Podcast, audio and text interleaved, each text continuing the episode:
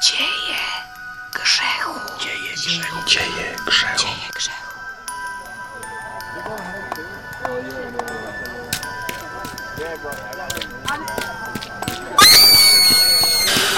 Co się stało? O Boże, zbrodnia! Co za czasów dożyliśmy. Co się stało? Niech ktoś wezwie policję! Mój Boże, taka tragedia. Taka tragedia!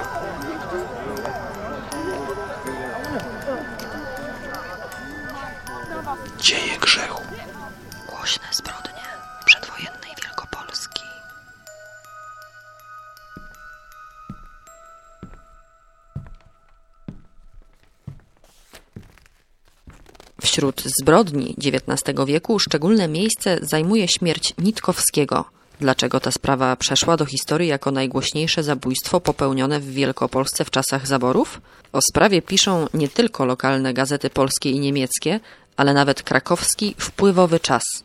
Może dlatego, że zbrodnia wydarzyła się w najmniej spodziewanym miejscu? Cichym ziemiańskim dworze? 16 marca 1851 roku pan Ludwik Nitkowski, ziemianin ze wsi Skąpe w gminie Strzałkowo, udaje się wraz z rodziną na poobiednią przejażdżkę po swoich włościach.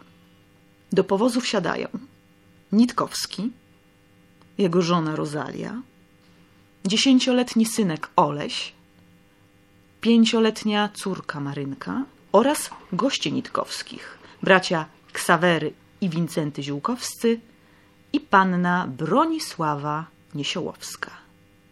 Po pewnym czasie spacerowicze wracają do dworu.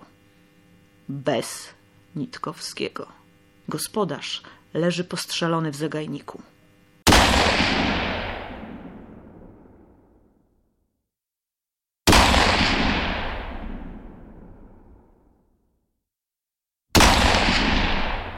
Trzy strzały. Kto je oddał?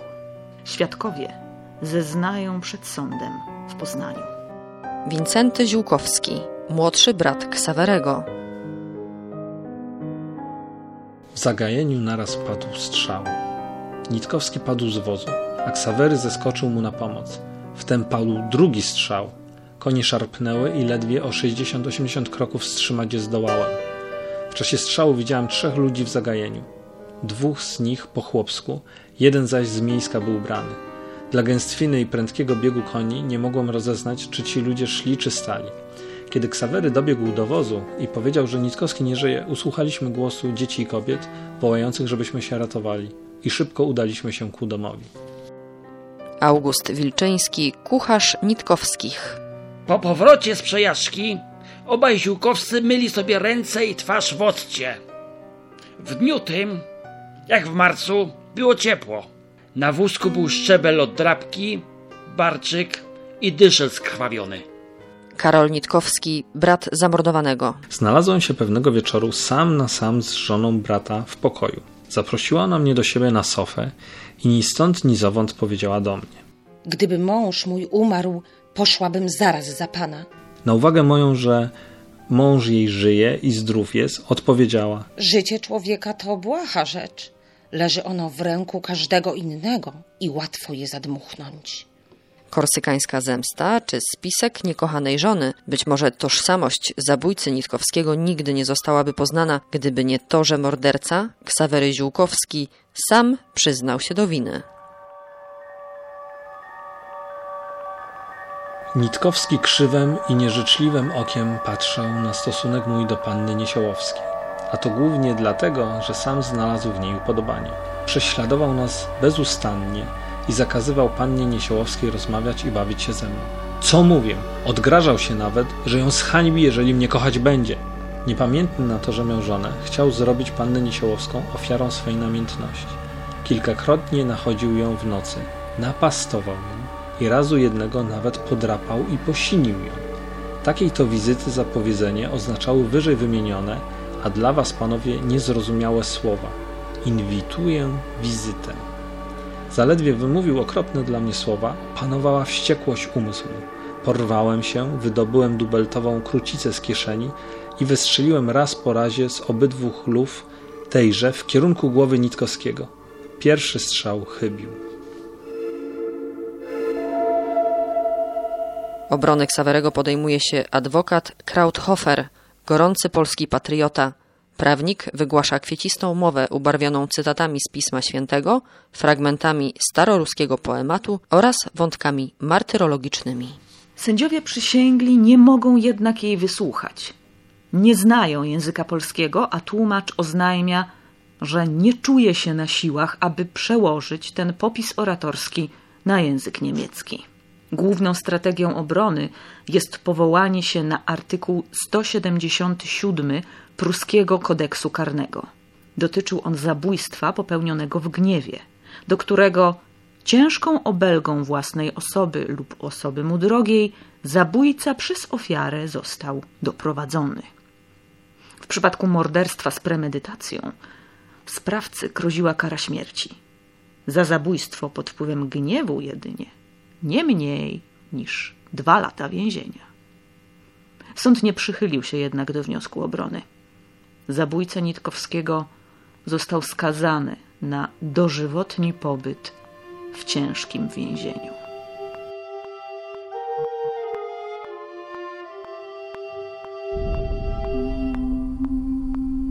Niebezpieczne idee.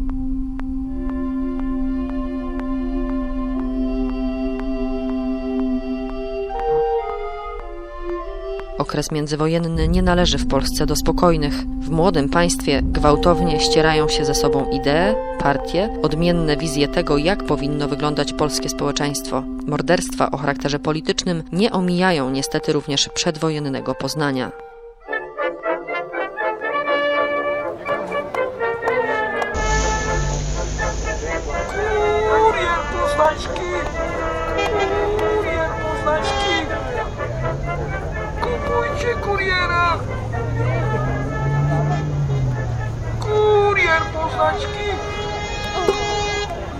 Czwartek 13 lipca 1922 roku w redakcji Kuriera Poznańskiego panuje typowy poranny rozgardiaż. Dziennikarze przygotowują materiał do nowego wydania dziennika. Kryzys po dymisji premiera Śliwińskiego, niepokoje w Gdańsku, uroczystości z powodu przyłączenia Górnego Śląska do Rzeczpospolitej. Nowa sztuka w Teatrze Narodowym. Nagle rozlegają się strzały. Co się stało? Pokoju redaktora naczelnego wybiega mężczyzna. W dłoni pistolet parabellum. Dziennikarze wpadają do gabinetu. Bronisław Marchlewski leży na podłodze w kałuży krwi. W niedługim czasie umiera. Dlaczego zginął? Prasa donosi, że powodem był antyniemiecki profil gazety. Od 1906 roku kuriera poznańskiego redagowali dziennikarze ze środowiska endecji. Jeszcze w czasach zaborów gazeta prowadziła ostrą walkę z germanizacją, a po odzyskaniu niepodległości pozostała niechętna dotychczasowemu zaborcy. Sprawca zamachu, germanofil i ideowy antysemita Trzebiatowski był już znany w redakcji kuriera. Kilka dni przed morderstwem zakończył się proces, który gazeta wytoczyła Trzebiatowskiemu za oszczerstwa pod jej adresem. Sąd uznał Trzebiatowskiego za winnego. Mężczyzna zamiast przyjąć wyrok, dokonał na redaktorze naczelnym krwawego odwetu. Co o tych wydarzeniach znajdziemy w ówczesnej prasie? Sprawdźmy. Tło polityczne zbrodni w naszej redakcji. W dniu wczorajszym, głęboko wstrząśnięci ohydnym mordem dokonanym w naszej redakcji, nie mogliśmy, ani nawet nie chcieliśmy wskazywać na motywy, które zbrodniarza popchnęły do wyrodnego czynu. I dziś, zanim podamy te informacje, które sami posiadamy, przytoczymy wpierw zdania cudze, które naszym zdaniem charakteryzują trafnie tło i motywy zbrodni. Dziennik Poznański po serdecznym nekrologu, który przytaczamy w innym miejscu, tak pisze. Kim jest morderca świętej pamięci Bolesława Marchlewskiego? Ów ujęty dziś Trzebiatowski? W pierwszej chwili mówili najbliżsi. Maniak, wariat, człowiek opętany. Ale wgląd w akta procesu, jaki rozegrał się niedawno przed sądami poznańskimi przeciwko Trzebiatowskiemu, każe sądzić inaczej. Prawdopodobnie mamy tutaj do czynienia z robotą wrogów, dążącą do utrudnienia narodowej polityki, a zaszczepiającą wszelkiego rodzaju rozdźwięki i antagonizmy. Swego czasu w listopadzie roku zeszłego rozlepiano po Poznaniu plakaty w obelżywych wyrazach oskarżające kurier poznański o zależności od kapitałów żydowskich. Pseudo-odezwa zwracała się równocześnie przeciwko koalicji i Francji, zwanej Żydoalicją. Jej skutkiem było skierowanie sprawy na drogę sądową i niebawem jako oskarżeni stanęli przed kratkami Trzebiatowski i Wierzbicki z Torunia. Przebieg rozpraw wskazywałby na pewną nienormalność w myśleniu u zabójcy redaktora Marchlewskiego. Jednakże z pewnością mamy do czynienia z człowiekiem zdającym sobie sprawę ze swoich czynów. Jego filiogermanizm na przykład nie mógł ulegać żadnemu kwestionowaniu. Zarówno przemowy na wiecach, jak i występowanie jaskrawe przeciwko koalicji albo stanowisko w sprawie Górnego Śląska ujawniały pewien system. Pod tym względem wypowiadali o mordercy opinie zgodne liczni świadkowie. Kurier Poznański. Świętej pamięci dr Bolesław Marchlewski. Piszemy te słowa pod głębokim wrażeniem tragedii, która przed chwilą rozegrała się w redakcji. O godzinie pół do dziesiątej zjawił się w niej nijakiś Trzebiatowski, który przegrał niedawno proces wytoczony mu przez nasze wydawnictwo z powodu oszczerczych napaści na pismo nasze i zażądał widzenia się z doktorem Marchlewskim. Wracając z drukarni, doktor Marchlewski poprosił czekającego nań Trzebiatowskiego do swego pokoju. Po paru minutach ożywionej rozmowy padły dwa strzały. Wpadając do pokoju zastaliśmy doktora Marchlewskiego już dogorywającego. Natychmiastowa pomoc lekarska okazała się niestety bezsilna. Uciekającego mordercę dogonili na Placu Wolności urzędnicy administracji i oddali w ręce policji.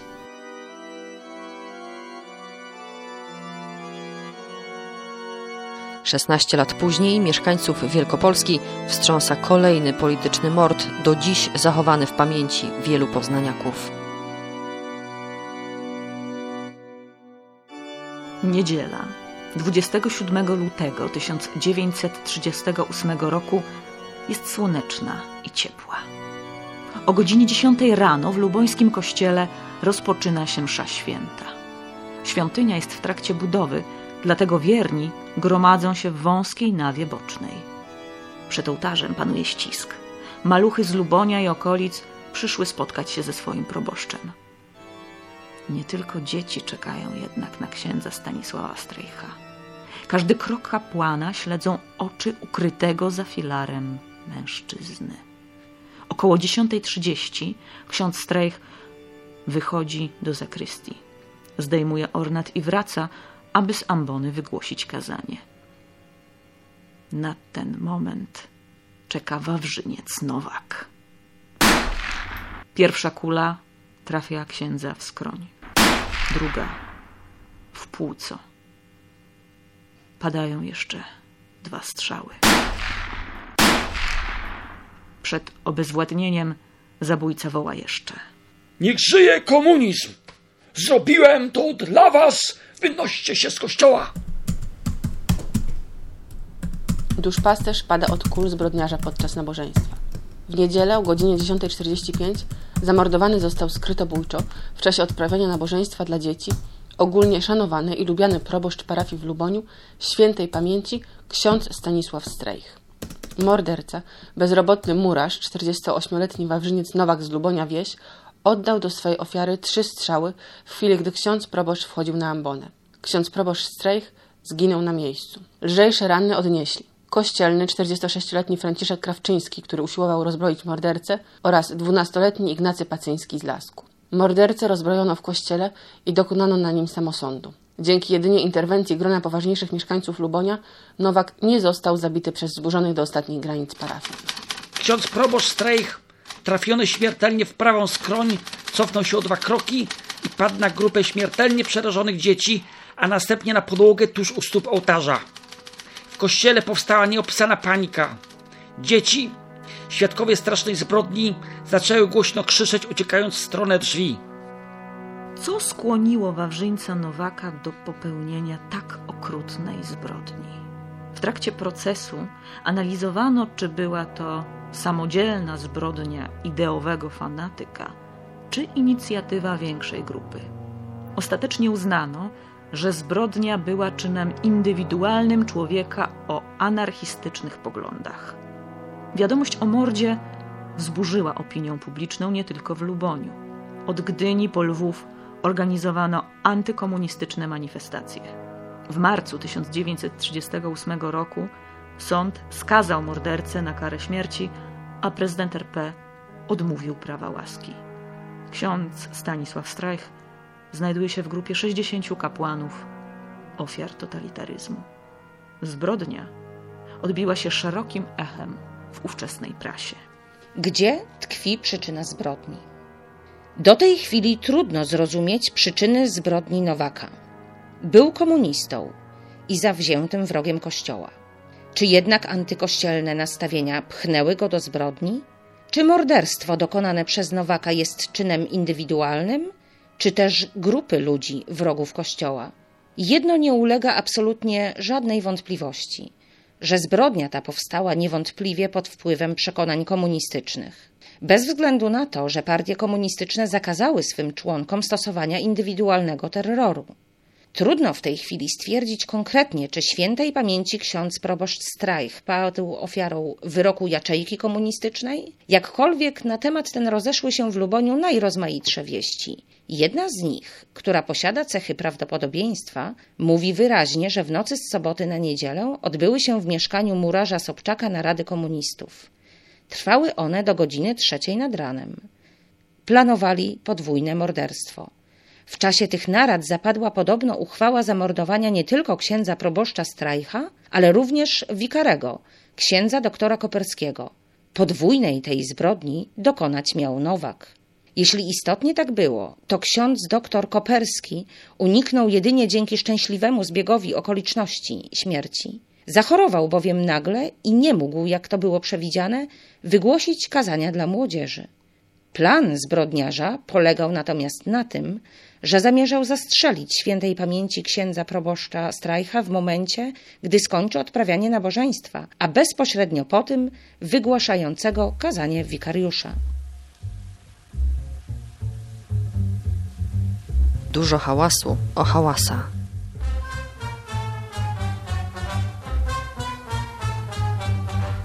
Czy jest coś ciekawszego od zbrodni popełnionej z miłości? Sprawa zabójstwa dokonanego przez Leona Hałasa rozpala wyobraźnię spragnionych mocnych wrażeń poznaniaków.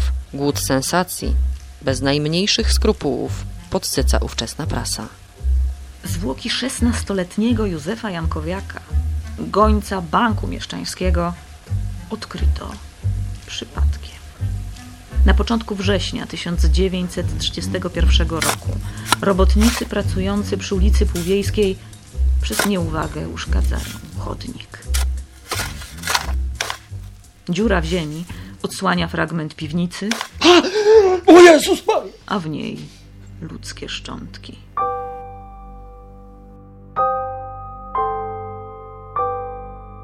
Na podstawie znalezionego przy zwłokach kwitu bankowego ustalono tożsamość ofiary. Rozpoczyna się śledztwo. Kto zabił? Dlaczego? Gdzie ukrywa się morderca? Sprawę relacjonuje drobiazgowa ówczesna prasa, a krzykliwe nagłówki pojawiają się na czołówkach gazet w całym kraju. W toku śledztwa okazuje się, że hałas zabił Jankowiaka dla pieniędzy, które później przeznaczył na ślub z jego siostrą. To, co dla nas może być szokujące, to zupełny brak poszanowania dla prywatności bohaterów kryminalnej zagadki. Normalną praktyką jest wówczas nie tylko publikowanie nazwisk oskarżonego, członków rodziny ofiar, świadków, ale także podawanie ich adresów zamieszkania czy informacji o stanie cywilnym lub wyznaniu. Na łamach poznańskich gazet pojawiają się także zdjęcia oskarżonego Leona Hałasa, a także jego żony i matki. Codziennie publikowane są nowe odcinki serialu o zbrodni przy ulicy Półwiejskiej. W miejscu odkrycia ciała poznaniacy robią pamiątkowe zdjęcia, a bilety na proces rozchodzą się momentalnie. Na sali sądowej hałas twierdził, że Zabił z miłości. czy była to jednak prawdziwa miłość? To pytanie pozostawiamy pod osąd naszych czytelników.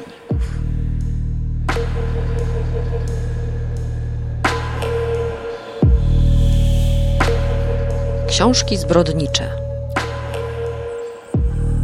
Zbrodnie od zawsze fascynowały literatów, historyków i dziennikarzy. Nie inaczej jest w przypadku dawnych poznańskich zabójstw. W zbiorach biblioteki raczyńskich można znaleźć kilkanaście pozycji książkowych, które odkrywają mroczne oblicze przedwojennego Poznania. Z literatury faktu polecamy. Magdalena Mrugalska-Banaszak Morderstwo w ratuszu. Poznań w latach 1894-1922 z opalenicą w tle. Wydawnictwo Miejskie Poznania, Poznań 2015. Jarosław Osięgłowski, Potwór z Piątkowa, Poznańskie procesy z lat 1923-1924, wydawnictwo J. Osięgłowski, Poznań 1997. Adam Pleskaczyński, Tomasz Specjał, Kryminalna historia Poznania. Art Media Studio, Poznań 2008. Janusz Warciszewski, Pitawal Poznański. Zapis zbrodni i niektórych innych przestępstw. Wydawnictwo Apex. Konin 1998. Stanisław Szenic, Pitawal Wielkopolski, czytelnik, Warszawa 1960. Tytułem do powiedzenia. Pitawalami nazywa się zbiory relacji z przebiegu sławnych procesów kryminalnych. Autorem pierwszego, od którego nazwiska pochodzi nazwa gatunku, był francuski prawnik François Gayot de Pitaval, żyjący na przełomie XVII i XVIII wieku. Dzieło Pitawala cieszyło się tak ogromną popularnością, że bardzo szybko znalazło swoich naśladowców w różnych krajach. W Polsce pierwszy rodzimy Pitawal został wydany w 1852 roku pod tytułem Tajemnice społeczeństwa wykryte w sprawach kryminalnych i sądowych, krajowych i zagranicznych. Jego autor, Ludwik Triplin, opisuje m.in. śledztwo w sprawie próby otrucia księcia Czartoryskiego, XVII-wieczne procesy przeciwko czarownicom, czy proces przeciwko zabójcy Niteckiego. A dla wielbicieli powieści wybraliśmy między innymi takie książki, oczywiście z regałów Biblioteki Raczyńskich. Piotr Bojarski, Mecz, Media Rodzina, Poznań 2012. Piotr Bojarski Szmery. Czwarta strona, Poznań 2019. Ryszard Ćwirlej, Tam ci będzie lepiej. Czwarta strona, Poznań 2015. Sebastian Koperski, Wojciech Stam, Doktor Jeremias. Zysk i spółka Poznań 2010. Krzysztof Smura, Relikwia masońskiego ołtarza, wydawnictwo debiuty, Poznań 2015. Tomasz Specjał. Zatańczmy Pejotl Stepa. Wydawnictwo Miejskie Poznanie. Poznań 2016. Słuchowisko na podstawie wystawy Dzieje grzechu Głośne zbrodnie przedwojennej Wielkopolski, która została przygotowana w oparciu o zbiory Biblioteki Raczyńskich oraz Wielkopolskiej Biblioteki Cyfrowej. Kuratorkami wystawy są Agata Bobryk i Aneta Kosticz. Plansze przedstawiające innymi wycinki z gazet można było oglądać w holu głównego gmachu Biblioteki Raczyńskich przy okazji Poznańskiego Festiwalu Kryminału Granda.